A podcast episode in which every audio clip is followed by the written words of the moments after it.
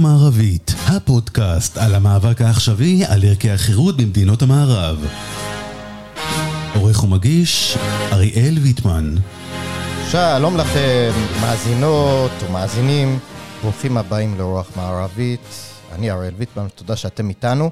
אמ, מאז הטבח של השביעי באוקטובר, אמ, שבו הרבה מאוד ישראלים אה, קיפחו את חייהם, אה, ישבו בממ"דים אה, בלי יכולת להגן על עצמם, ועם, בחוסר אונים מוחלט כשרשויות המדינה, הצבא, המשטרה, השב"כ, כל בעצם גופי הביטחון לא הגיעו במשך שעות ארוכות, לפעמים 12-13 שעות, לממ"דים שאנשים ישבו ללא יכולת להגנה, להגן על עצמם, בלי נשק, בלי, בלי שום בעצם אמצעי שבו הם יכולים להגן על עצמם ועל משפחתם. וחלקם אחרי שעות ארוכות פשוט המחבלים הגיעו וביצעו uh, בהם את זממה, מה שנקרא.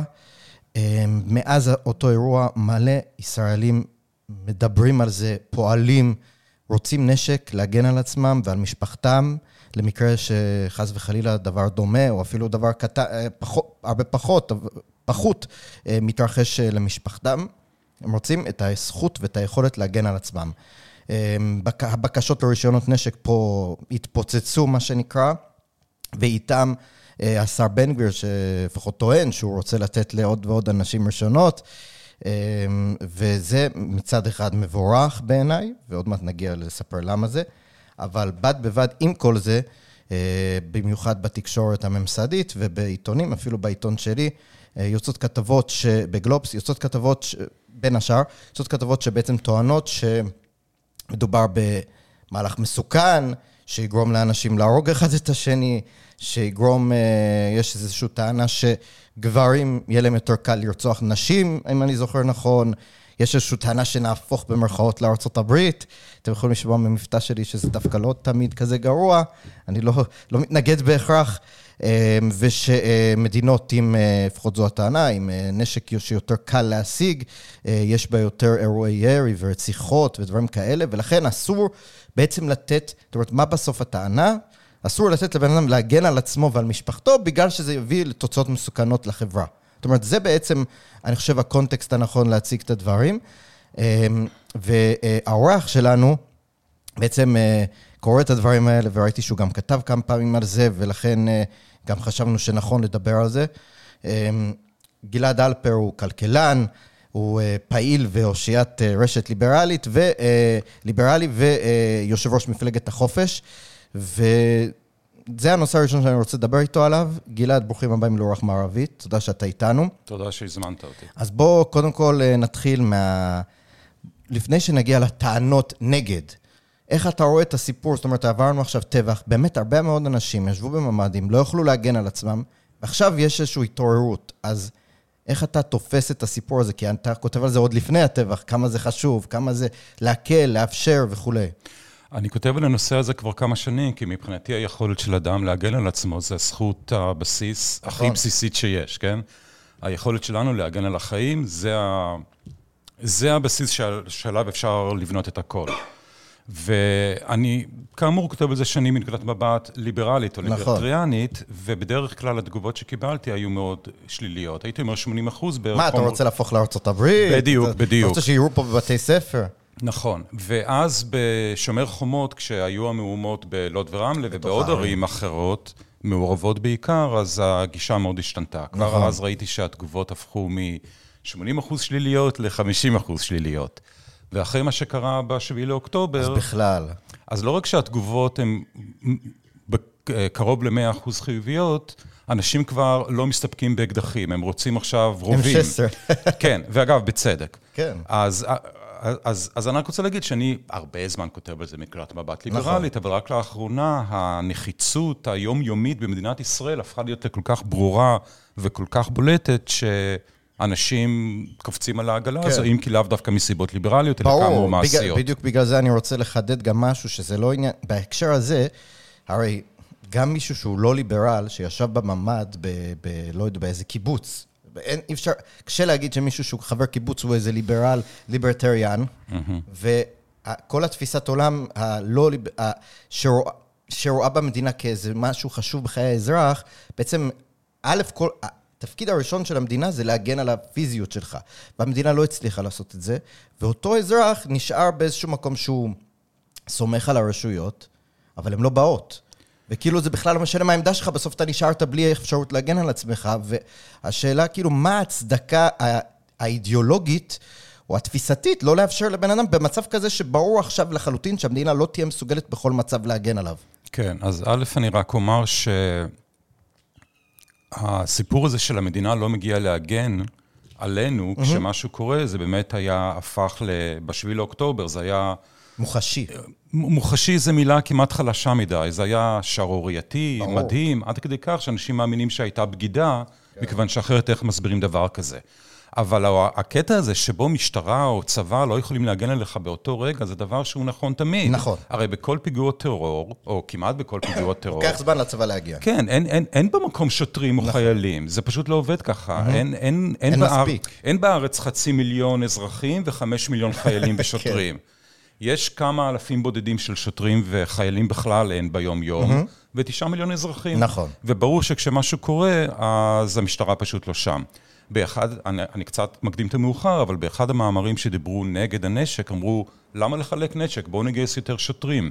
וזה רעיון כזה מטופש, מכמה כל מה שזה אומר, שכשאתה שוכב בשלולית דם אחרי שהמחבל ירה בך, אז משרטטים סביבך את המעגל גיר חמש דקות אחרי ולא שבע דקות אחרי. אבל זה גם מה לא זה עוזר? זה גם לא סותר, זאת אומרת, אפשר שיהיו יותר שוטרים, וטוב אולי שיהיו, אני לא, אני לא מומחה לביטחון, אבל בסוף, כמו שאתה אומר, אי אפשר לשים שוטר בכל מטר של הרחוב, ובסוף כשיבוא מחבל...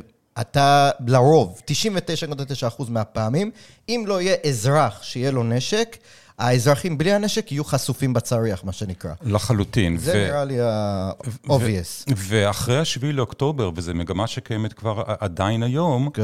אה, ישראלים, יהודים, מחפשים דרכים להצליח לנעול את הממ"ד מבפנים. נכון. את, את, את, זה, זה פשוט משגע אותי כשאני רואה את זה, כי זה כל כך שואתי. זה כמו היהודים, כמו אנה פרנק, מסתתרים בעליית הגג, רועדים מפחד שיגיע הצורר הנאצי, mm-hmm. כי להם אין שום דבר לעשות נגד זה. וככה היהודים המסכנים במדינת ישראל, שנוסדה על ידי, על ידי יהודים, למען יהודים, מנוהלת על ידי, על ידי יהודים, כחלק מלקחי השואה, לפחות זו סיבה עיקרית למה המדינה הוקמה, במדינה הזו יהודים יושבים בממ"דים, רועדים מפחד, מנסים למצוא דרכים לנעול את הממ"ד מבפנים, נכון. כי המדינה היהודית שנוסדה למען היהודים כחלק מלקחי השואה, בצורה אקטיבית מונעת מהם את היכולת להגן על עצמם. ואם מישהו לא חושב שזה שיא הגיחוך, אז אני לא יודע מה להגיד לו. ואגב, בהקשר הזה, לפני כמה, משהו כמו שבוע, יצאה כתבה על יהודי פלורידה, כן, שרצים מצים בחנויות הנשק. כן. מכיוון שהם פוחדים מאנטישמיות. ואני קורא את זה ואני חושב לעצמי, כן, יש אנטישמיות גואה בארצות הברית, אבל היהודים יכולים להגן על עצמם. במדינה שהוקמה על ידי נוצרים, למען אירופאים, שמנוהלת על ידי נוצרים, יהודים יכולים להגן על עצמם כמו כל אחד אחר. יכולים ללכת לחנות נשק, עושים להם בדיקת רקע, כן. הם לא פושעים, הם מקבלים רובה.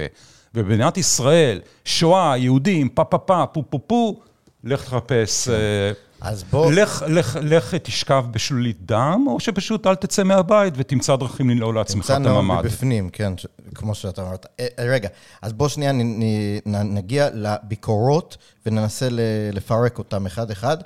אמ, אני חושב, כמו שהזכרתי, הביקורות המרכזיות הן תמיד, תראו את ארצות הברית, אנחנו לא רוצים להפוך לארצות הברית. אנחנו לא רוצים שבן אדם ייכנס לבית ספר ויהרוג את כולם, כמו שאנחנו רואים כל יומיים, לא באמת כל יומיים, אבל נניח... זה תמיד הטענה, אמ, ואנחנו באמת לא רוצים לראות את זה, אז מה בעצם הטענת נגד לדבר כזה? איך אתה מסביר, איך אתה, איך החששות אפשר להוריד אותם ולהגיד, עזבו. דבר ראשון, ארה"ב היא לא המדינה היחידה במערב שמאפשרת לאזרחים נכון. שלה להתחמש. בצ'כיה ובשוויץ יש רמת חימוש מאוד מאוד גבוהה, ושיעורי הפשע בין הנמוכים באירופה, ואין שם מקרים כאלה. כלומר, אתה יכול מיד להגיד שזה עניין תרבותי ולא עניין של נשק. כן. אגב, כנ"ל בפינלנד, באוסטריה. באוסטריה, בפינלנד, אתה יכול, כשאתה מגיע, נדמה לי, לגיל או 21 או 18, אני לא זוכר, להיכנס לחנות נשק ולצאת עם רובה ציד. באוסטריה 아. ובפינלנד. שווייץ וצ'כיה זה באמת ברמה אחרת, אתה יכול לקנות שם כמעט מה שאתה רוצה. אני קצת מגזים, אבל לא בהרבה. אז בכל המדינות האלה, הניסוי הזה של לחמש את האוכלוסייה הצליח מאוד מאוד יפה. אבל אפילו בארצות הברית אנשים לא מבינים באמת מה קורה שם.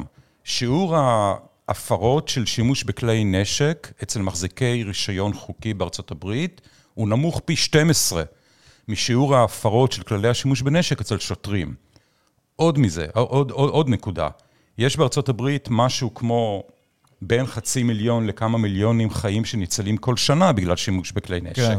והטווח הוא מאוד גדול, זו מדידה של CDC, הטווח הוא מאוד גדול, כי קשה למדוד את זה, וגם ברוב המקרים, רוב הגדול של המקרים, כל האירועים האלה מסתיימים בלי שמישהו באמת יורה. נכון. האגרסור, הפושע, המניאק, רואה את הקורבן המיועד, כן. ואז רואה שלקורבן המיועד יש אקדח, והוא בורח, כי הוא לא כן. רוצה למות. הוא מרושע, הוא לא מטומטם. Mm-hmm. וההיגיון הזה, אגב, עובד גם ב... ב... באירועי הירי ההמונים שקורים בארצות הברית בבתי ספר. בערך מאז שנת 2000, על פי המידע שיש לי, לא היה אפילו מקרה טבח המוני אחד בבית ספר, כשהצוות היה חמוש. Mm-hmm. כי המניאקים שבאים לרצוח, רוצים לרצוח, ורוצים להתפרסם מהרצח שלהם. וזה לא עובד כל כך טוב אם הורגים אותך אחרי 20 שניות. כן. עכשיו, חוץ מזה, באמת, כשאתה מסתכל על ארה"ב ועל שיעור הרצח, זה כנופיות על כנופיות, כל הרציחות האלה, רובן הענק מתרכז במרכזים אורבניים, כמו בלוס אנג'לס, שיקגו, או בפילדלפיה, ניו שיקגו, ניו יורק, והרוב הגדול של הברית היא מאוד שלווה, ואלה שחמושים שם בכלי נשק חוקיים, הם אזרחים למופת ששומרים על החוק, ומעולם, מעולם, או כמעט אף פעם, אי אפשר להגיד לעולם, לא עושים שימוש לא חוקי בנשק שלהם. והייתי מוסיף, דרך אגב, לדבר הזה שתי, אה, שתי נקודות לדעתי חשובות. אה, בארצות הברית, אה, רוב, ה, כמעט כל הרציחות מתרחשות בהנדגאנס. זאת אומרת, אנחנו תמיד שומעים שילד נכנס לבית ספר, הוא קנה, זה תמיד הסטיגמה, הוא הלך לסופר, הוא קנה נשק אוטומטי, סמי אוטומטי, הגיע עם, לא, זה, שם זה... AR-15, אה, לא יודע מה, דמוי, נגיד אה, משהו דומה ל-M16 או קלאץ', ומתחיל לראות בבית ספר. עכשיו, מסתבר שזה אחוז מזערי, אני לא זוכר את הנתונים המדויקים, אבל כמעט כל הרציחות מתרחשות דווקא באקדחי אה, יד. וכמעט כל האירועים בעצם מתרחשים במקום. כמעט כל אחוז מאוד מאוד גבוה מהאירועים מתרחשים במדינות ש... ששם ממילא הנשק לא חוקי, אז רוב הנשק שמשומש די כנופיות, או אנשים שקנו נשק אה, ברחוב, מה שנקרא. אמ, אז אני חושב שזה גם קצת דמגוגי בכלל, אה, לדבר על ארה"ב במונחים גדולים. אני, אני, אני רק אוסיף את הכלל, אני חושב שכולם צריכים לזכור שכשהמדינה מוציאה חוקים נגד החזקה של כלי נשק. היחידים שיש להם כלי נשק. הם הפושעים. נכון, כי הם לא אכפת להם מהחוק. תחשוב שאתה רוצה בארצות הברית שיפסיקו את מקרה הירי ההמוני ואתה מוציא את הנשק מחוץ לחוק. אז הפסיכופת שרצה להיכנס לבית ספר ולרצוח ילדים כמה שרק אפשר, מה שיעצור אותו זה החוק נגד קניית נשק? כן. כי הוא שומר חוק? זה כל כך... הדבר, כל מה שזה עושה, זה מבטיח שהוא יוכל להיכנס לבית ספר ולהרוג את כולם. כן. כי לאף אחד אחר אין נשק, כי כולם שומרי חוק. והוא הפושע. Mm-hmm, נכון. Uh, טענה נוספת שנשמעתי, אם אני מבין נכון, שככל שיש יותר נשקים, יש יותר רציחות בנשק. אז, אז זה מתמטיקה פשוטה, זאת הטענה לפחות. איך אתה מתייחס לזה? כן, אני ראיתי במאמר שיצא נגד הקטע של נשק לפני כמה ימים, כתבו שם, כשיש נשק בבית, הוא מעלה את הסיכוי כן. למקרה ירי בבית פי שלוש או חמש. וישר עלה לי במוח, פי שלוש או חמש ממה? מזה שאין נשק בבית? כן. כי אז הסיכון לא עולה פי שלוש או חמש, הוא עולה פי אין סוף. אבל לא חשוב. הקטע הוא שזה נכון, ככל שיש יותר נשק, הסיכון עולה. פליטות ירי. רציחות, התאבדויות. ש... הסיכון עולה. כן. אבל צריך לזכור שבמדינת ישראל כל שנה נהרגים 30 אנשים בתאונות בנייה. עוד 30 אנשים נהרגים בתאונות במפעלי ייצור. ילדים מתים כל שנה בישראל מטביעה בבריכה. אנשים מדי פעם מתים בתאונות מטוס, שזה טרגדיות שלא ייאמנו. אנשים מתים כשהם עושים, אה, בתאונות כשהם עפים בפייפרים או דאונים, אני יודע איך הדבר mm-hmm. הזה נקרא. אה, תעופה אזרחית. כן. אנשים מתים בכל, ה, בכל המקרים האלה. אבל אנחנו לא מפסיקים לבנות, לא מפסיקים לייצר, לא מפסיקים לשחות בבריכה, לא מפסיקים לטוס לחו"ל, לא מפסיקים לטוס בפייפרים, ואגב, אנחנו גם לא מפסיקים לנהוג במכוניות. למרות שכל שנה בישראל נהרגים מאות אנשים מתאונות דרכים. עכשיו, למה אנחנו לא מפסיקים לשחות, לנהוג, לטוס, לבנות, לייצר? כי בכל הדברים האלה יש ערך. Mm-hmm. או שבגלל שאנחנו רוצים לגור איפשהו, או בגלל שלשחות בבריכה זה כיף, ואנחנו לא רוצים לוותר על זה, למרות שילדים מתים כל שנה מטביעות בבריכה ובים. Mm-hmm. למה את הים לא נועלים? נכון. עכשיו, יש איזונים לכל הדברים האלה. נניח יש הרבה אנשים שמתים בתאונות דרכים, איך אתה בונה לזה איזון? אתה דורש אה, קורס נהיגה לבחור צעיר שרוצה רישיון, והמכונית צריכה לעשות טסט כל שנה בשביל לוודא שהברקס עובד. זה האיזון. האיזון זה לא להגיד, אל תנהגו יותר, כי אנשים מתים כל שנה. מה האיזון של אה, בריכה? יש מציל. יש תמיד איזונים, מכיוון שיש ערך לדברים האלה. Mm-hmm. אז גם להגנה עצמית יש ערך. אז האיזון של ערך ההגנה העצמית, הוא לא, אתם לא יכולים להגן על עצמכם מעכשיו, לכו בממ"ד, תנעלו אותו מבפנים ותקוו שהחמאס לא יגיע ולא יאנוס ויערוף לכם את הראש. האיזון הוא שמי שרוצה רישיון נשק, שלא יהיה לו עבר אלים, שהוא יעשה קורס הכשרה סביר, לא, אגב, לא כמו, שעובר, לא כמו שקורה היום, שיעשה קורס טוב, זה האיזון. אבל להגיד שהאיזון הוא פשוט אל תגנו על עצמכם, זה לא איזון, זה קריאה לפשיזם, כן. ותכף אני אדבר על זה. והייתי מוסיף עוד דבר בהקשר הזה, לטענה הזאת, זה שהכלכלן הצרפתי בסטיאט כתב דברים שאינם רואים, דברים שרואים. זאת אומרת, מה שאתה רואה אולי זה באמת הסיכון, אבל אתה לא רואה כמה חיים אולי ניצלו באותם נתונים. אתה לא רואה כמה, אה, כמה אנשים הרגישו יותר בטוחים ויותר אה, שלווים בגלל שהיה להם, ידעו שיש להם איך להגן על עצמם ומשפחתם. זאת אומרת, אתה לא רואה את ה... את ה את הרווח, אתה רק רואה בנתונים האלה אולי את ההפסד, את הפי שלוש חמש, שזה באמת מוזר לטעון, כי ברור שבבית בלי נשק, אז אין נשק. אבל בגדול, כן, אה, אתה רואה רק את השלילי, כי את החיובי, הוא לא נכנס לנתונים האלה בכלל. ואז השאלה, מה... כן, אז אני חושב שאפילו אם אתה לוקח את הקטע של אה, what is seen, של בסטיאד, ואתה מעביר כן. את זה לארץ, מקרה הרצח של נשים על ידי בעלים שלהם או בני זוג בשימוש בנשק חוקי, פרטי, הוא בין השנים 2000-2016, שזה השנים שיש לי לגביהם נתונים, ממוצע של 0.6 לשנה. 0.6 נשים לשנה נרצחות על ידי הבני זוג שלהם עם נשק חוקי פרטי. ואני כמובן לא מזלזל בשום מוות, כל אדם הוא עולם ומלואו, אבל לטעון שהמספרים האלה מייצגים איזושהי תופעה סוציולוגית שבגללה צריך להפקיר אותנו לחמאס, זה כל כך מגוחך שאני חושב שזה מזויף. זה לא... אני, אני, אני חושש, חושד, שאלה שמתנגדים לנשק פרטי, עושים את זה בעיקר לא מסיבות אמיתיות. אמפיריות. מעלה את הסיכון, פה פה פה. לא, אני חושב שמה שמחריד אותם באמת זה הרעיון שאדם יכול להגן על עצמו. יש כאן את הנטייה הפשיסטית, כן. שהיא מאוד מאוד פושה בארץ ובכל המערב לצערי, שהמדינה שולטת. Mm-hmm. המדינה היא זו שאחראית על ההגנה שלך, ואתה חייב לה תודה. היא זו שמממנת אותך ואתה חייב לה תודה. היא זו שמצילה אותך מהרעלות מזון ואתה חייב לה תודה. היא זו שמגנה על כל מיני קבוצות חשובות כביכול באוכלוסייה כמו חקלאים ואתה חייב לה תודה. והיכולת להתקיים בצורה עצמאית ולהגן על עצמך ולא להיזקק לחסדי המדינה, נוגד את התפיסה. זה הזאת. נוגד את התפיסה הפשיסטית, קולקטיביסטית, טוטליטרית, איך שאתה לא רוצה לקרוא לזה. והתפיסה הליברלית-ליברטריאנית היא שהבן אדם יש לו זכויות, והזכות הגדולה ביותר זה הזכות של ההגנה העצמית, כי זה זכות החיים, הזכות שלא ירצחו אותך, וללא שימוש בנשק, הזכות הזו לא קיימת. זה כמו להגיד שיש לך זכות לחופש הביטוי, אבל אם תפתח את הפה אז נראה לך בראש. אז אין לך באמת זכות של חופש נכון. ביטוי. אז אם יש לי זכות להגנה עצמית, אבל אתה לא נותן לי להשתמש בנשק, אז בעצם מה שאתה אומר, שאין לך זכות להגנה עצמית. אז אני אומר, יש לי זכות להגנה עצמית, וזה שיש את הסיכון הפוטנציאלי שיעלו מקרי הירי, פליטות, וואטאבר, זה לא אומר שלי אסור להגן על עצמי. כמו שזה שמתים מדי שנה ילדים בבריכה, לא אומר שסוגרים את כל הבריכות בישראל. זה אומר ששמים מציל. נכון. אז רגע, אני רוצה שנייה לחדד עוד משהו בהקשר הזה. דרך אגב, אחת הסיבות שבארצות הברית, הסיבה שבארצות הברית יש את התיקון השני לחוקה זה בדיוק זה.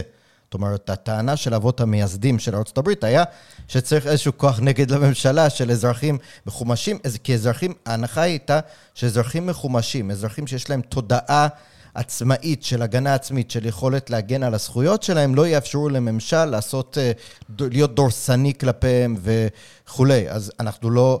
כמובן אה, אומרים שצריך להקים פה מיליציות וכולי, אבל כן יש כאן איזשהו משהו אה, בתפיסת העולם החברתית-תרבותית ישראלית מימים ימימה, שבאמת רואה את המדינה כאיזשהו גוף שצריך לסמוך עליו, וצריך לתת לו תמיד את היכולות מש... להגן עלינו, כאילו איזה, להכיר לו תודה שהוא עושה את הכל. כן. בסוף אנחנו רואים, דרך אגב, שזה לא עובד, כי זה, הנה. זה, זה גם לא עובד. כן, אין שום ספק שזו תפיסה שקיימת בישראל מאז היווסדה, כי לצערנו המדינה הזו נוסדה על ידי נכון. סוציאליסטים, או קומוניסטים וקולקטיביסטים. וזו קללה שאנחנו סובלים ממנה עד היום. כן. אמ, אנחנו כן, ממה שאני מבין, אתה לא היית רוצה שיהיה, בס... אני לא יודע, תתקן אותי אם כי אמרת שצריך איזשהו אה, סטנדרט ברישיונות לנשק. זאת אומרת, כן. אתה לא, כמו למשל בפלורידה, או לא יודע אם בפלורידה, יש מקומות בארצות הברית שאתה כן יכול ללכת לסופר ולקנות נשק. אז השאלה אם יש איזשהו, האם היית רוצה שזה יהיה ככה, או שהיית רוצה שצריך איזשהו... אמ, רישיון. זאת אומרת, לא בכל מקום בארצות הברית באמת דרוש רישיון. למיטב ידיעתי, כמעט בכל מקום בארצות הברית, ואולי ממש כל מקום בארצות הברית עושים בדיקות רקע. כן, אבל זה לא שאתה צריך להיות מיומן אה, משהו אוקיי, כזה. כן, כן. אז לדעתי, לדעתי בארץ, גם בכל מקום, אני חושב שזה אולי משהו שהיה צריך לעשות גם בארצות הברית, אבל שם, מאחר שזו זכות חוקתית, כנראה שאי אפשר לעשות את זה, או שלא רוצים לעשות את זה. יש מדינות שכן, זאת אומרת, אבל, זה תלוי איפה. כן, אז, אז בארץ בוודאי הייתי דורש תקופת הכשרה יותר משמעותית ממה שיש היום, בעיקר מאחר שאתה רוצה להשתמש בנשק, מקווה שלעולם לא תצטרך, אבל אתה רוצה להשתמש בו במקרה של טרור. אז אתה רוצה לוודא, להעלות את הסיכוי כמה שיותר, שלא תפגע בחפים מפשע. נכון. ולכן הגיוני לדרוש הכשרה. יותר משמעותית ממה שיש כן. היום. בעיקר בגלל שעכשיו נכנסים כל כך הרבה אנשים, או כביכול נכנסים הרבה אנשים. רוצים להיכנס. כן, רוצים, לך תדע מה יקרה בפועל. אני הגשתי בקשה לרישיון, עוד לא קיבלתי תשובה. כן. ולמרות אם אתה גר באזור המרכז, יהיה קשה מאוד. לא, אה, כביכול על פי שינוי קריטריונים, אחר שלחמתי בצבא, בלבנון, בשטחים, אני אמור להיות לוחם, אני רובעי שלוש, אז כביכול, על פי קריטריונים החדשים, מגיע לי רישיון נשק. אבל כאמור, עוד לא קיבלתי תשובה. הנה, מה שאני רוצה להגיד, שדווקא היום, כשכביכול מכניסים הרבה אנשים לתוך המעגל הזה, רבים מהם אנשים שמעולם לא דמיינו שהם ירצו לשאת נכון. אקדח, אז התקופות הכשרה האלה הן הגיוניות. זאת אומרת, אתה לא רואה ש... זאת אומרת, אוקיי, שאלה... אה, רק רציתי להעיר משהו לפני שאני עובר לנושא הבא. אה, שבעצם, כשאני מסתכל על הפיגועים לפני השביעי לאוקטובר, היה תקופה של פיגועים אה, פה, ובאמת אה, ראינו לאורך השנים האחרונות, שמי שהרבה מאוד פעמים עצר את אותו פיגוע, היו בתל אביב כמה, היה בן אדם שעבר באופנוע, הוא החזיק נשק, ראה את המחבל עושה את המעשים הרצחניים שלו, יצא, חיסל את המחבל. עד שהמשטרה הגיעה, אם, אם לא היה את אותו אזרח, הוא היה יכול להרוג פי כמה וכמה אנשים. זאת אומרת, אני חושב שכמו שאמרנו לפני כן, אנחנו הרבה פעמים מתעסקים ב, בעיתונות ובכלל בשיח הציבורי על ה-downsides, על, על, על המאפיינים השליליים של הדבר, ובכלל לא לוקחים בחשבון, או בכלל לא מזכירים, או לא מכניסים למשוואה את האנשים שאנחנו בכלל לא יודעים שהם ניצלו. זאת אומרת, הם, הם פשוט לא יודעים, כי המחבל מת לפני שהוא הגיע אליהם. הרעיון במדינת ישראל, מדינה כל כך מוקפת אויבים, מוקפת אויבים, בתוכה אויבים. אגב, זה אולי זמן טוב להזכיר שסקר שנעשה לפני כמה ימים, מצא שיש תמיכה של 75% בטבח של השביעי באוקטובר, בקרב ערביי עזה ויהודה ושומרון, כן. כשהתמיכה, אגב, היא חזקה, ב... היא חזקה נכון. יותר ביהודה ושומרון. כן. והאנשים האלה במרחק, ליטרלי, חמש דקות מאיתנו. נכון. ואני רק רוצה לראות את הסקר שיצא על ערביי ישראל, כי זה באמת מסקרן אותי. אבל מה שאני רוצה להגיד, שבמדינת ישראל, עם כל הסיכונים שעומדים מולנו ממש היום, בכל מקום שאנחנו הולכים אליו, הרעיון שלאזרחים אסור להחזיק נשק, זה, זה מצב שאם... ש, שמפתיע אותי שארבע מיליון ישראלים לא יוצאים לרחובות mm-hmm. על דבר כזה. כן. ואני חושב שהסיבה היחידה שארבע מיליון אנשים לא יוצאים לרחובות, וזה נושא קצת אחר, זה בגלל שכל הארבע מיליון האלה למדו בבתי ספר של המונופול, המונופול החינוך כן. הממשלתי. לא, זה תרבותי. שבמשך 12 כן. שנה שטף להם את המוח שהשוק החופשי והחופש שלהם זה הסכנה, כן. והמדינה זה האביר על הסוס הלבן שיציל את כולנו מהחירות הנוראית שעוד עלולה ליפול עלינו. זה ליטרלי מה שהם אם רק מדינת ישראל לא תגן, לא תגן כן. עלינו מהחירות הזו. אם אותם ארבע מיליון היו, לדעתי, מתחנכים במערכת חינוך פרטית, או שיטת השוברים או משהו בסגנון, אז משהו כמו מיליון או שני מיליון מתוכם היו מקבלים חינוך שלא היה שוטף להם את המוח והם היו יוצאים לרחובות, ואז כולנו כבר היינו עם נשק, והשביעי לאוקטובר אני לא חושב שהיה קורה, בטח לא היה קורה ככה. כי אני גם רוצה לומר שהאויב, האויב יודע מה קורה, האויב יודע שהאנשים הם לא חמושים, האויב יודע שהוא זאב וכולם הם כבשים. ברגע שהכבשים מקבלים רובים, אז הזאב יודע שאין לו מה לחפש שם והוא לא יבוא. והעובדה שמדינת ישראל, ממש בצורה קנאית לאורך השנים, וידאה פעם אחר פעם, שנה אחר שנה, כנסת אחר כנסת, שלא נוכל להחזיק נשק להגנה על עצמית, אומר, אני חושב, הרבה מאוד על מדינת ישראל. כן. אבל זה אולי משהו שאנחנו לא רוצים נכון. להיכנס אליו עכשיו. אז אני רוצה להיכנס לנושא הבא שלנו, שזה בעצם המקצועיות שלך, ממש, כלכלן. אז אני רוצה לדבר על הכלכלה הישראלית עכשיו. אה, גם נכנסנו למלחמה, לא משהו, אבל גם אחרי המלחמה, מכאן והבא, והלאה, יש לנו שר אוצר, ראש ממשלה, אני לא יודע אם ראש ממשלה, הוא לא מתייחס נראה לי לכלכלה, זה קטע מצחיק, מעניין, אה, אבל אה, שר האוצר והחבר'ה שלו אומרים, אנחנו נצא בזה יחסית בסדר, הכל טוב, יהיה קשה עכשיו ונצא. אמ, אז אולי, א' כל, האם זה נכון? האם אנחנו נצליח אה, ככה יחסית אה, עם כמה קיצוצים פה, קיצוצים שם? הוא אומר, אה, קודם כל יש בלאגן עם ה... הוא בכלל, עם ה... קשה היה לו לגעת בכספים הקואליציוניים, אז קשה לדמיין שיהיה לו קל לקצץ משמעותית בהמשך, אבל נניח, מילא, מה שנקרא. איך אתה רואה את זה לאבא? אני חושב שהמצב שלנו הרבה יותר חמור ממה שאנחנו חושבים. בטווח הקצר ברור שיש יהיה עול מיסים הרבה יותר גדול, נכון. פשוט לממן את המלחמה. אבל מעבר לזה, מדובר על זה שהולכים להגדיל את צה"ל בצורה מאוד משמעותית, מה שאומר שעול המיסים, סמוטריץ' אמר, שר האוצר סמוטריץ' אמר את זה לפני ארבע או חמישה ימים, שאנחנו הולכים להעלות את המיסים בצורה פרמננטית, מכיוון שצריך צבא הרבה יותר גדול. אז א', אני שואל, למה צריך צבא הרבה יותר גדול? הרי מה שקרה עכשיו לא קרה בגלל שהצבא לא היה גדול, או בגלל שלא היה מספיק כסף, זה לא, שילמו, זה לא שלא שילמו לראש אמ"ן משכורת מספיק גבוהה ותמרצו אותו, אה, אתה יודע, לעשות את העבודה yeah. כן. שלו. זה לא שלא שילמו מספיק לתצפיתניות, זה לא שהיה מספיק, זה לא שהיה חסר תקציב לשים אלקטרוניקה על הגדר. זה איפה שמים את הכסף. הבעיה היא אחרת. הבעיה היא שלמשל, ראש אמ"ן לפני שנה אמר שמשבר האקלים מהווה סיכון יותר חמור על מדינת ישראל מאשר האיומים הביטחוניים. Mm-hmm. אולי זו הבעיה. אולי שבוא נתחיל בזה שימנו ראש אמ"ן שלא חושב את זה. סליחה, שאולי כן. חושב שאיראן זה יותר מסוכן ממשבר האקלים. בוא נתחיל מזה. אבל בוא, זה, זו שאלה נפרדת. הקטע הוא שכך או אחרת, עול המיסים הולך לעלות מאוד בשנים הקרובות, mm-hmm. ומיסים כידוע, חונקים את הכלכלה, חונקים השקעות, חונקים כן. עבודה, חונקים צריכה, מה שאתה רוצה. חונקים. וכל המיסים האלה הולכים לצבא. אף אחד לא הגיע כשירותים לאזרח. לא שמדינת ישראל יודעת לעשות גם את זה, כן. אבל אפילו רשמית זה לא מגיע כשירותים לאזרח. טוב, ביטחון זה שירות, אבל לרמת החיים זה לא עוזר. לא יודע כמה לחיים זה עוזר, אבל זה כבר נושא אחר. מה שאני רוצה להגיד שמבחינה זו הולך להיות קשה, אבל הבעיה היא הרבה יותר חמורה. א', כמו שרמזת, אנחנו נכנסנו למשבר הזה לא בדיוק במצב הכי כן. טוב בעולם. שנה בניג... קצת קשה.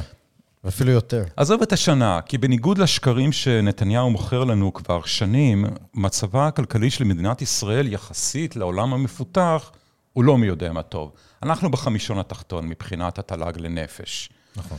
ולצערי הרב מאוד, במהלך הכהונה שלו, נתניהו עשה מעט מאוד לקדם את הכלכלה. הוא לא עשה כמעט שום דה-רגולציה. יבוא חופשי, כמעט כלום. קיצוץ של התקציבים במגזר הציבורי, בדיוק ההפך. למרות כל הדיבורים שלו, אם אתה זוכר, האיש השמן, האיש הרזה, כן. הוא מפטם את האיש השמן, על חשבוננו כמובן, כן. בהתלהבות רבה כבר 14 שנה. ואגב, במידת רמת החופש הכלכלי או הקפיטליזם, אנחנו גם כן בחמישון התחתון של העולם. המפותח. כמעט כל המדינות בעולם המפותח, באירופה, whatever, יותר עשירות מאיתנו ויותר קפיטליסטיות מאיתנו. נכון. אבל, אוקיי, אז אנחנו נכנסים לזה במצב לא טוב. עכשיו הולך להיות המיסים המאוד גבוהים. החוב הלאומי כמובן הולך לגדול, כי לא יעלו מיסים ברמה שמעלים את ההוצאות, אין מצב. הגירעון כמובן הולך לגדול, החוב הלאומי הולך לגדול. וזו עדיין לא הבעיה הכי גדולה. אני חושב שהבעיה הכי גדולה היא ש... ומאוד לא נעים לי להגיד את זה, אבל אחרי מלחמת יום כיפור היה גל ירידה גדול. Mm-hmm. היה גל ירידה כל כך גדול, שכזכור לך, בזמנו רבין טבע את הביטוי נפולת נפולת של נמושות. כן. כן, אז, אז, אז, אז אם אז היה גל ירידה גדול, אני מאוד מאוד חושש ממה יהיה עכשיו. כי אם המלחמה הזו לא מסתיימת בניצחון מזהיר, ולא נראה לי שהיא מסתיימת בניצחון מזהיר, ואם לא מסירים את האיום בדרום, בצפון ובמרכז, ולא נראה לי שהולכים להסיר את האיום בדרום ובצפון ובמרכז, אז יש כאן בעיה קשה של תחושת ביטחון, נכון. תוך כדי כלכלה מידרדרת, ותוך כדי זה שאנשים שאחראים לרוב הצמיחה במדינה, אנשים אחראים לייצוא, ואגב, רק בזכות הייצוא יש לנו יבוא, כן? Mm-hmm. הייצוא הוא זה שגורם, שנותן עוצמה לשקל הישראלי, ולכן יש לנו מספיק כוח קנייה לייבא. אז האנשים האלה שעושים את כל הדברים האלה זה בעיקר ההייטק. נכון. יזמי, כמה אלפי יזמים בודדים וכמה עשרות אלפי עובדים. יש אולי 250 אלף עובדים במגזר ההייטק הכללי בישראל, אבל אני חושב שאלה שהם באמת אחראים על המתכנתים, החדשנות. המהנדסים. כן, וכולי. אלה שבאמת אחראים על החדשנות זה כנראה כמה עשרות אלפים. אני קצת מנחש, אבל זה ככה תמיד, כן, זה חוק ה-80-20. מה שאני רוצה להגיד, שהאנשים האלה שאחראים לצמיחה, אחראים לייצוא, אחראים לא לכלכלת יישארו ישראל, כאן. הם בדיוק האנשים שנמצאים בעמדה הכי טובה להגר, אז רגע, או אני- לרדת. אני רוצה שנייה לחדד משהו. זאת אומרת, בואו, אני. אני מבקר מאוד את, את ה... למשל, את ההחלטה עכשיו על ההפוגה וכולי, וזה נראה לי אופציה מאוד טובה לרדת מהעץ בכלל של המלחמה הזאת, כי זה המודוס אופורנדי של נתניהו לאורך השנים. אבל נניח, ש... נניח שאתה בעצם מייעץ, ואתה אומר, אם אני מבין נכון, כדי למנוע הרבה מאוד מההידרדרות הכלכלית שעלולה להיות, צריך לשמר את האמון, הביטחון האישי של האזרח, וחייבים לנצח את החמאס, למשל. זאת אומרת, לא רק שזה ניצחון ביטחוני, זאת תהיה ניצחון גם כלכלית. אנחנו בסכנה קיומית, ואנשים לא מבינים את זה. כי אנשים מדמיינים סכנה קיומית כצבאות מצרים וסוריה עולים מדרום ומצפון ופשוט שוטפים את הארץ. אבל סכנה קיומית זה גם מה קורה כשהכלכלה שלך כל כך נחלשת, שאתה לא יכול לממן את הצבא. הרי סמוטריץ' מדבר על תקציב וצבא ופה פה פה, איך אתה מממן צבא? אתה מממן צבא אך ורק עם מיסים. וגם כשאתה לוקח הלוואות והגירעון גודל, גם את ההלוואות מחזירים עם מיסים. נכון. איך אתה גובה מיסים? אתה חייב לייצר ערך כלכלי, אתה חייב שיהיה לך כלכלה שתוכל למסות אותה. אם הכלכלה מאוד נחלשת, אם נניח מתוך 3,000 יזמים, 1,500 פשוט עוברים. לחו"ל, אם מתוך ה-50 אלף המתח... האנשי הייטק הבאמת מבריקים בארץ, חצי עוזבים, איפה הכלכלה שתוכל למ... למ- למסות אותה כדי לממן את הצבא? אז אנחנו בסכנה, בסכנה קיומית במובן הזה שלא נוכל לממן צבא מספיק גדול כן. להגן. והעם לא מטומטם בדברים האלה. אנשים יראו את זה. תחושת הביטחון תלך ותרד. בעצם מה שאתה אומר הוא, ו- ואמרתי את זה לפני כן, אני רק רוצה לחדד. אם התושבים ירגישו, אם האזרח הישראלי הממוצע, אם אותם אה, יזמי הייטק, עם אותם אנשים שבאמת, אה, מה שנקרא, אני לא אוהב את הביטוי הזה, אבל הקטר של הכלכלה, אה, אם אותו קטר, או אחוז משמעותי מאותו קטר ירגיש אי ביטחון פיזי ממש, הוא הכי נוח לו לעזוב, גם כי יש לו את הכסף, יש לו את המשאבים, והעבודה שלו יכול לעשות בכל מקום בערך. אבל אם הוא ירגיש שכן יש לו ביטחון, אם הוא ירגיש שאנחנו כן מנצחים, זה דווקא, אני לא יודע, תענה לי אם אתה חושב שדווקא, דווקא אם נגיד נצא מהמלחמה הזאת בתחושה שהמדינה הצליחה להשיב את כבודה, שה, שהאזרח מרגיש יותר ביטחון, האם דווקא יכול לעשות U-turn לכלכלה דווקא? זה לפחות יגרום לאנשים תחושה של פטריוטיות שלא נובעת מפחד, או מאימה, או מבושה, או כמו משנאה. מלחמת ששת הימים קצת. אלא, כן, נכון, אתה צודק. סוג של... אלא סוג של התרוממות כן. רוח. שזה דווקא עוזר לכלכלה במובן הזה. כן, אני לא כל כך אוהב את האספקטים הפסיכולוגיים של הכלכלה, אבל בסדר, אני לא אתווכח איתך על זה. ואני רק רוצה לומר שלא רק שההייטקיסטים הטובים ירצו לעזוב, או חלקם ירצו לעזוב, לפחות ישקלו לעזוב, החברות עצמן ייקחו אותם. כי זה סיכון. כי, אז א', כל חברת טכנולוגיה גדולה שיש לה מרכז פיתוח בארץ, אני בטוח, זה מה שאני הייתי עושה. אני הייתי מזהה את האנשים החשובים באותו מרכז פיתוח, ומשלם להם הרבה כסף שיעשו רילוקיישן אליי, כדי שלא יגייסו אותם למילואים, כדי שלא ירצחו אותם, או יאנסו אותם או יערפו להם את הראש.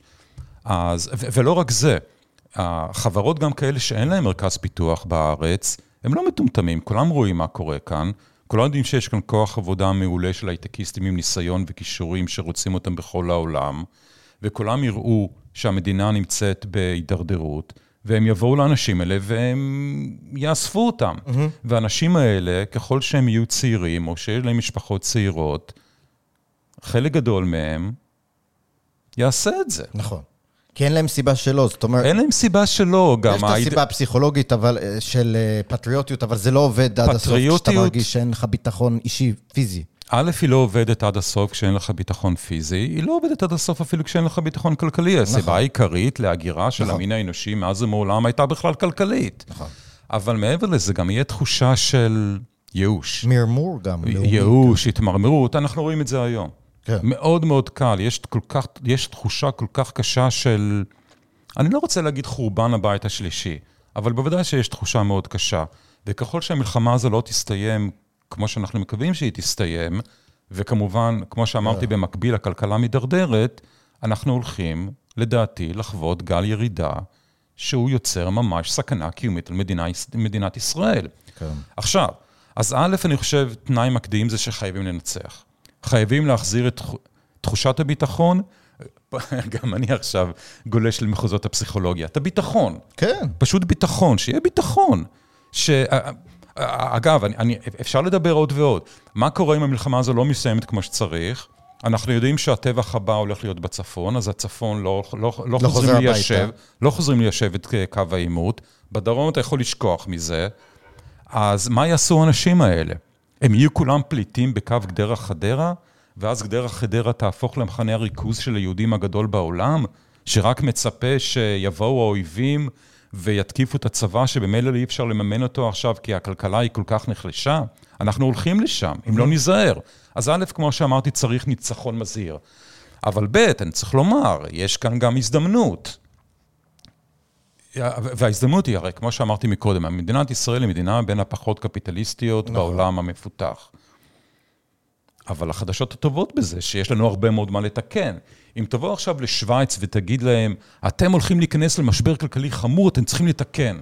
אז יהיה להם קשה מה לעשות, לתקן? כי הם כבר המדינה הכי כן. קפיטליסטית באירופה. אם תגיד את זה להונג קונג, מה הם יגידו? הם כבר המדינה הכי קפיטליסטית בעולם. או לפחות ככה זה היה עד שסין השתלטה. כן. אבל אם אתה בא לישראל ואומר, אתם הולכים להיכנס למשבר כלכלי חמור, תעשו משהו, מדינת ישראל יכולה להגיד, וואלה, יש, יש לנו את הרגולציה כמעט הכי גרועה בעולם המפותח. בואו נעשה דה-רגולציה. יש לנו יבוא, אין יבוא חופשי בארץ להמון המון מוצרים ויוקר מחיה מאוד גבוה. Mm-hmm. בואו נכריז על ישראל כאזור סחר חופשי. יש לנו את מערכת החינוך הכי גרועה כמעט בעולם, בעולם המערבי. בואו נעשה את שיטת השוברים. מחירי הדירות כאן זה פשוט נורא ואיום, זה הורס חיים של בני אדם, וזה אגב סיבה מרכזית למה אנשים היום יורדים מהארץ. בואו נעשה ליברליזציה של שוק הנדל"ן. כלומר, יש כמה צעדים טכניים, ברורים, כן. מוכחים, מוגדרים, ידועים, שאפשר לעשות שמאוד מאוד יקפיצו את הכלכלה. ואז אם אתה עושה שילוב גם של ניצחון, תחושת ביטחון, whatever, וגם אתה עושה סוף סוף את הרפורמה הקפיטליסטית שהיינו צריכים לעשות האמת לפני 75 שנה, כן. אבל עושים את זה עכשיו, אז אתה יוצא מנצח ענק מהמלחמה הזו. אז יש תקווה. אני חושב שהיא כן. פחות סבירה, נכן. לצערי, אבל יש תקווה, יש כאילו מה לעשות. כן. אני לא מרים כאן את הידיים שלי בייאוש. אני רק אומר שצריך מאוד מאוד להיזהר, כי כרגע התוואי שאנחנו נמצאים בו, הוא תוואי שמאיים על עצם קיומה של המדינה. כן. אני רוצה רק להוסיף שבהקשר הזה, ש... כמו שאמרת, נצטרך הרבה כסף לממן את גם עלויות המלחמה וגם אם רוצים לכאורה להגדיל את הצבא. והייתי גם אומר שבאמת דיברת על האיש השמן והרזה. אני באופן כללי חושב, דיברו הרבה על משרדים מיותרים, שרים מיותרים. זה לא רק השר שמיותר. לא, זה, זה סתם, זה, זה שטות, כן. זה, זה כמו מסך עשן להסוות את הבעיה האמיתית. אם יש לך בממשלה שבעה משרדים ולא שלושים, אבל התקציב הוא אותו תקציב, בדיוק. אז לא עשית כלום, נכון. זה לא. חשוב. אז זה בדיוק מה רוצה להגיד, שזה לא רק אותו טייטל של משרד, אלא צריך ממש בעיניי... את הסמכויות של המשרד צריך לעיין. הבעיה, אגב, היא לא רק התקציב. גם את העובדים, הכמות מטורפת של כוח אדם שלא עושה כלום, אה, בגלל אה, דור ותק, שאתה מגיע לאיזשהו ותק, לא נוגעים בך, ואתה יושב ומכין קפה וכולי. אני חושב שכן, יש כאן... אתה רוצה לממן משהו? יש כל כך הרבה בזבוזים ושומנים בממשלה, שזה פשוט בדיחה, שהם נלחמים על, על טייטלים ועל איזה שר פה ושר שם, זה לא העניין. העניין הוא הכמות המטורפת של באמת, גם הסמכויות, כמו שאמרת, אבל גם התקנים וה... והכסף שפשוט מתבזבז, כאילו זה, כאילו זה גדל על העץ ולא שייך לנו. כן, והבעיה היא עכשיו שכשהולכים להעלות בצורה משמעותית את תקציב הביטחון, אתה יודע שכל קיצוץ שיעשו בכל מקום אחר יהיה סמלי וחסר כל משמעות. זו כן. מדינת ישראל, הפוליטיקאים שלנו כל כך חלשים, או כן. כל כך לא מעניין אותם, שלא יעשו כנראה שום מאמץ לקצץ שום דבר, וסמוטריץ' בטח לא יעשה שום דבר. כן. ואז אני... אנחנו, כמו שאמרתי, נקבל... את הטונה של התקציב הזה, שהולכת לשבת לנו על הראש. כן. בעיה. כן. אני רוצה לסי... לסיום משהו קטן שלא תכננתי לשאול אותך, ואני תוך כדי חושב על זה. אמ, אנחנו השבוע התבשרנו במשהו מאוד מעניין מארגנטינה, אה, ואתה ליברל סלש ליברטריאן, כל אחד קורא לזה משהו אחר בימינו, אבל הוא בעצמו, אה, אני רק אגיד, הנשיא החדש הנבחר, קורא לעצמו ליברטריאן, ולא רק ליברטריאן, אלא... אוהב יהודים שמתייעץ עם רב ושקל להתגייר, וגם אה, אומר שהוא הולך אה, לנתק את הקשרים הכלכליים של המדינה, לא של בעלי העסקים, אלא של המדינה עצמה, של ארגנטינה, מסין, מרוסיה, מברזיל, שהוא אומר, הוא גם אומר, אי אפשר לדבר עם קומוניסטים, צריך לנצח אותם, והוא אה, בן אדם מאוד אה, ססגוני אה, מצד אחד, אבל גם כלכלן עם רקע אה, אקדמי בכלכלה. אה, עם תוכניות מאוד uh, מעניינות, שלמשל לבטל את הבנק המרכזי של ארגנטינה. אני רוצה לשאול אותך שש שאלות. קודם כל, על המסגור התקשורתי של הדבר הזה.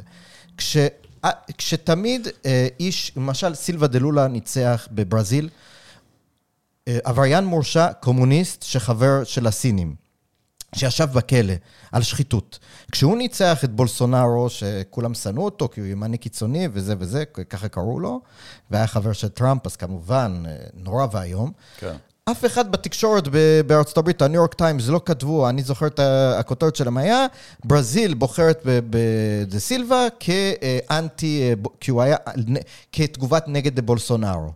כשמיליי מנצח בארגנטינה, התגובות הן, הימין הקיצוני ונצח ומשתלט וזה, ואפילו במעריב הייתה כותרת, אה, זה מילה אוהב יהודים, אוהב את ישראל ושונא את היהודים. כמובן שזה ציטוט מאיזה פרופסור קומוניסט בישראל שהם מצאו. שנייה, אני רוצה עכשיו לחתוך אותך ולהסביר מה קרה שם, כי מעריב פרסם כאמור כתבה קצרה על, על, על, על, על חוויאר מילי. והם ראיינו מומחה אחד, רק אחד, ומי זה המומחה הזה? הקומוניסט אפרים כן. דוידי.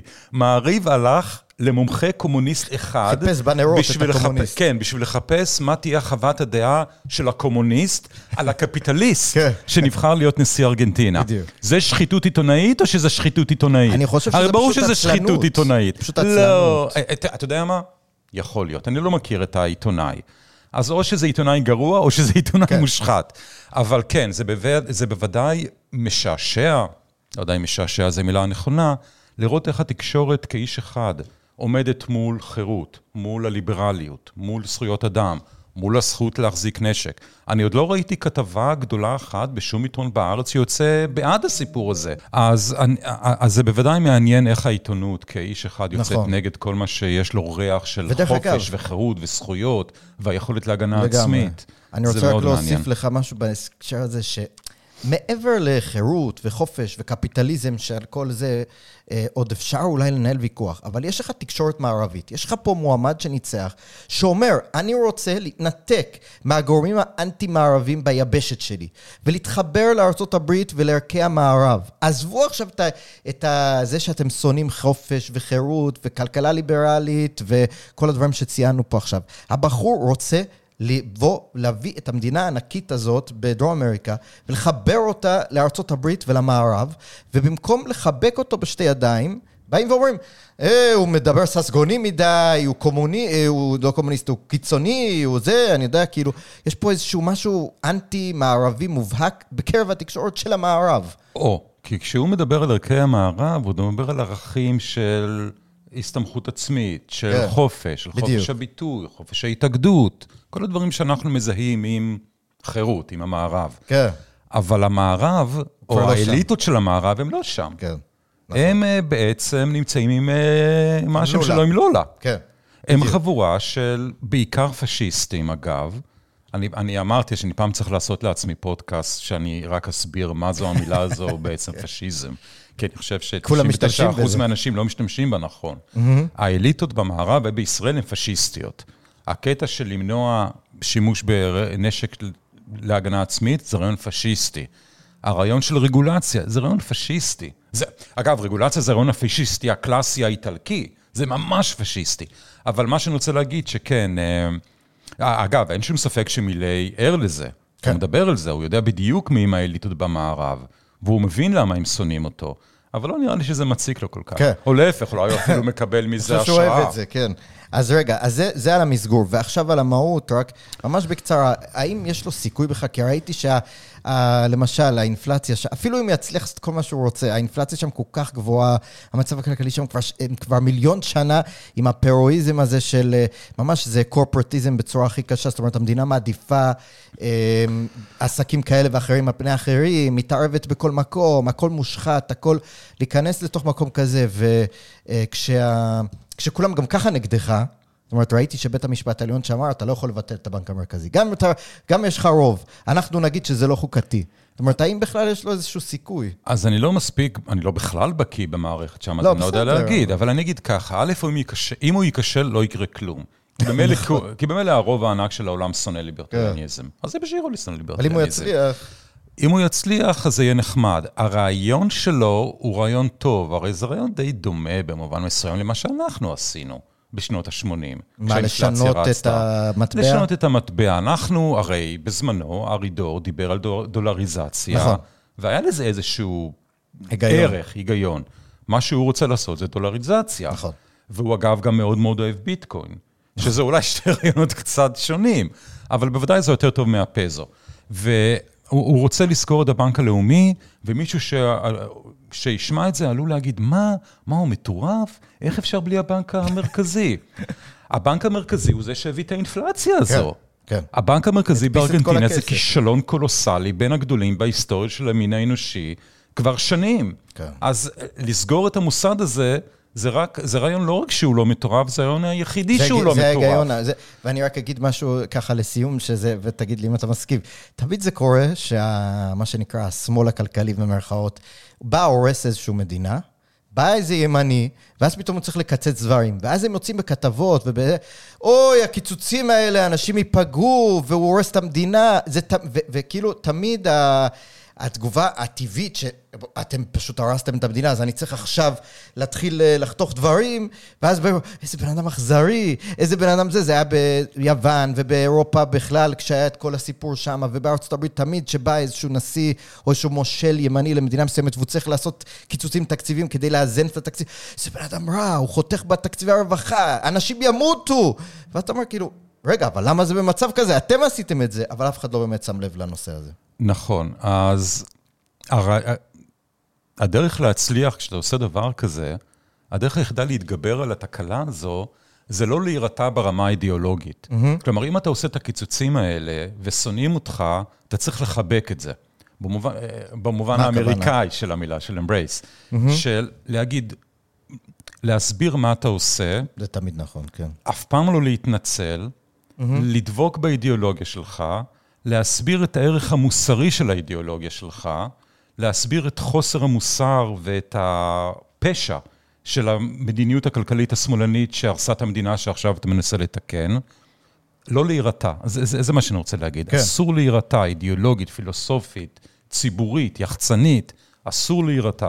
צריך להסביר לכולם, לא משנה כמה מקללים אותך וכמה אומרים לך, שאתה וואטאבר, צריך להסביר לכולם בצורה ברורה וגלויה וישירה וכנה, מי כאן הרשע ומי כאן הצדיק. נכון, והייתי אומר, דרך אגב, לסיכום, שאחד הדברים שמאוד מאוד עצבן אותי, בין השאר, בנשיאות של ג'ורג' בוש, הבן, אה, היה שהוא אמר פעם אחת, אני לא זוכר מתי זה היה, זה היה, אני לא שמרן, אני שמרן, אני compassionate conservative. וזה כאילו, אתה אומר, בסדר. בדיוק. זה בדיוק אידיאולוגיה- הפחדנות של הימין. למה אתה צריך כל הזמן לסייג אותה? תגיד, זה זה בדיוק האידיאולוגיה שלי. הפחדנות של הימין. הימין היה צריך להגיד, מישהו כמו ג'ורג' בוש, למרות שג'ורג' בוש הוא בוודאי לא... כן, כוס התה שלנו. הוא, הוא לא כוס התה שלנו, והוא לא צריך להיות כוס תה של כל אדם נורמלי, כן. אבל אתה צריך... אף פעם אתה לא שומע את זה, דרך אגב, מאנשים בצד השני של המפה. זאת אומרת, הם תמיד בטוחים בעמדות שלהם, הם תמיד יודעים מה, מה הם רוצים לעשות, הם לא מתנצלים על זה. הצד השני יודע תמיד בדיוק מה הוא רוצה.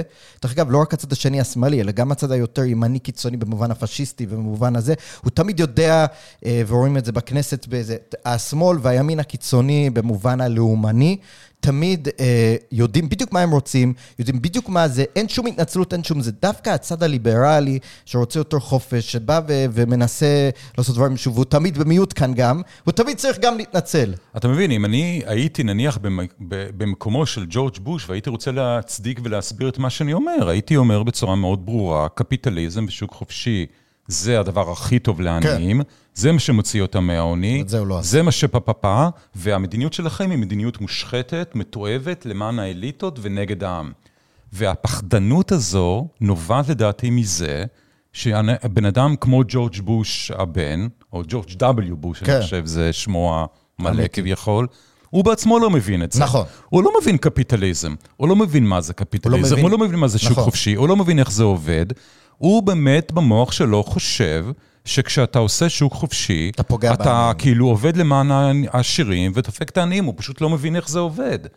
וקשה מאוד למצוא אנשי ימין שיש להם עוצמה, שמבינים את זה. אגב, אנחנו מצאנו אחד כזה, שמו נתניהו, רק התברר שהוא סוציופט כנראה, או משהו לא, הוא בסגנון. פשוט אה, רוצה לשמור על השלטון, והוא הניח הנחה שהציבור... זה נקרא סוציופט. כשאתה כן. רוצה לשמור על השלטון, בכל ואתה מחיר. מוכן להקריב את העם בשביל זה, אתה סוציופט. כן. זה ההגדרה שלי של הסוציופט, לא יודע אם זה ההגדרה של ג'ורדן פיטרסון, לא. אבל ככה אני משתמש כן. במילה הזאת. אז אני מסכם ואומר שאנחנו מסכימים שאם את... אה, אה, שתי הסכמות שאני חשבתי תוך כדי הדברים. קודם כל, שמי שמאמין בדברים האלה, ומי ש... זה לא- אפילו לא אמונה, חלק מהדברים האלה הם כורח המציאות. זאת אומרת, בסוף צריך להביא את הכסף מאיפשהו, צריך לנהל פה משהו, צריך לראות מה עובד. דיברנו על זה גם בפרק הקודם שעשינו, כשאתה התמודדת. יש דברים שעובדים ויש דברים שלא עובדים. מעבר, זה גם מעבר לאידיאולוגיה.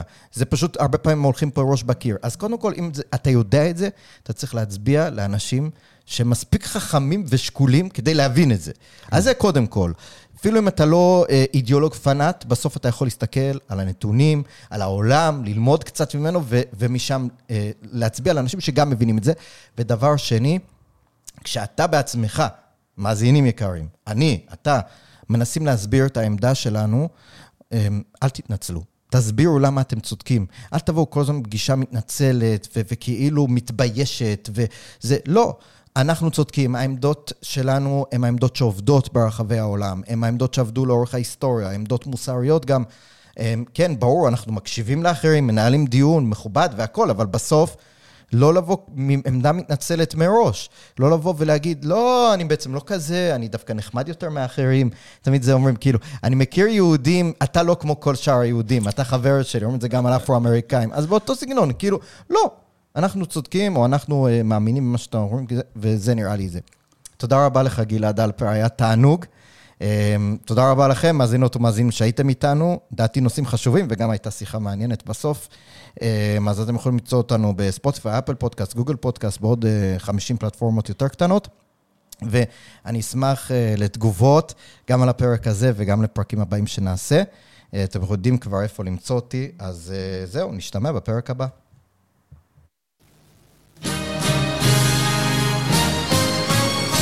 רוח מערבית, הפודקאסט על המאבק העכשווי על ערכי החירות במדינות המערב. עורך ומגיש, אריאל ויטמן.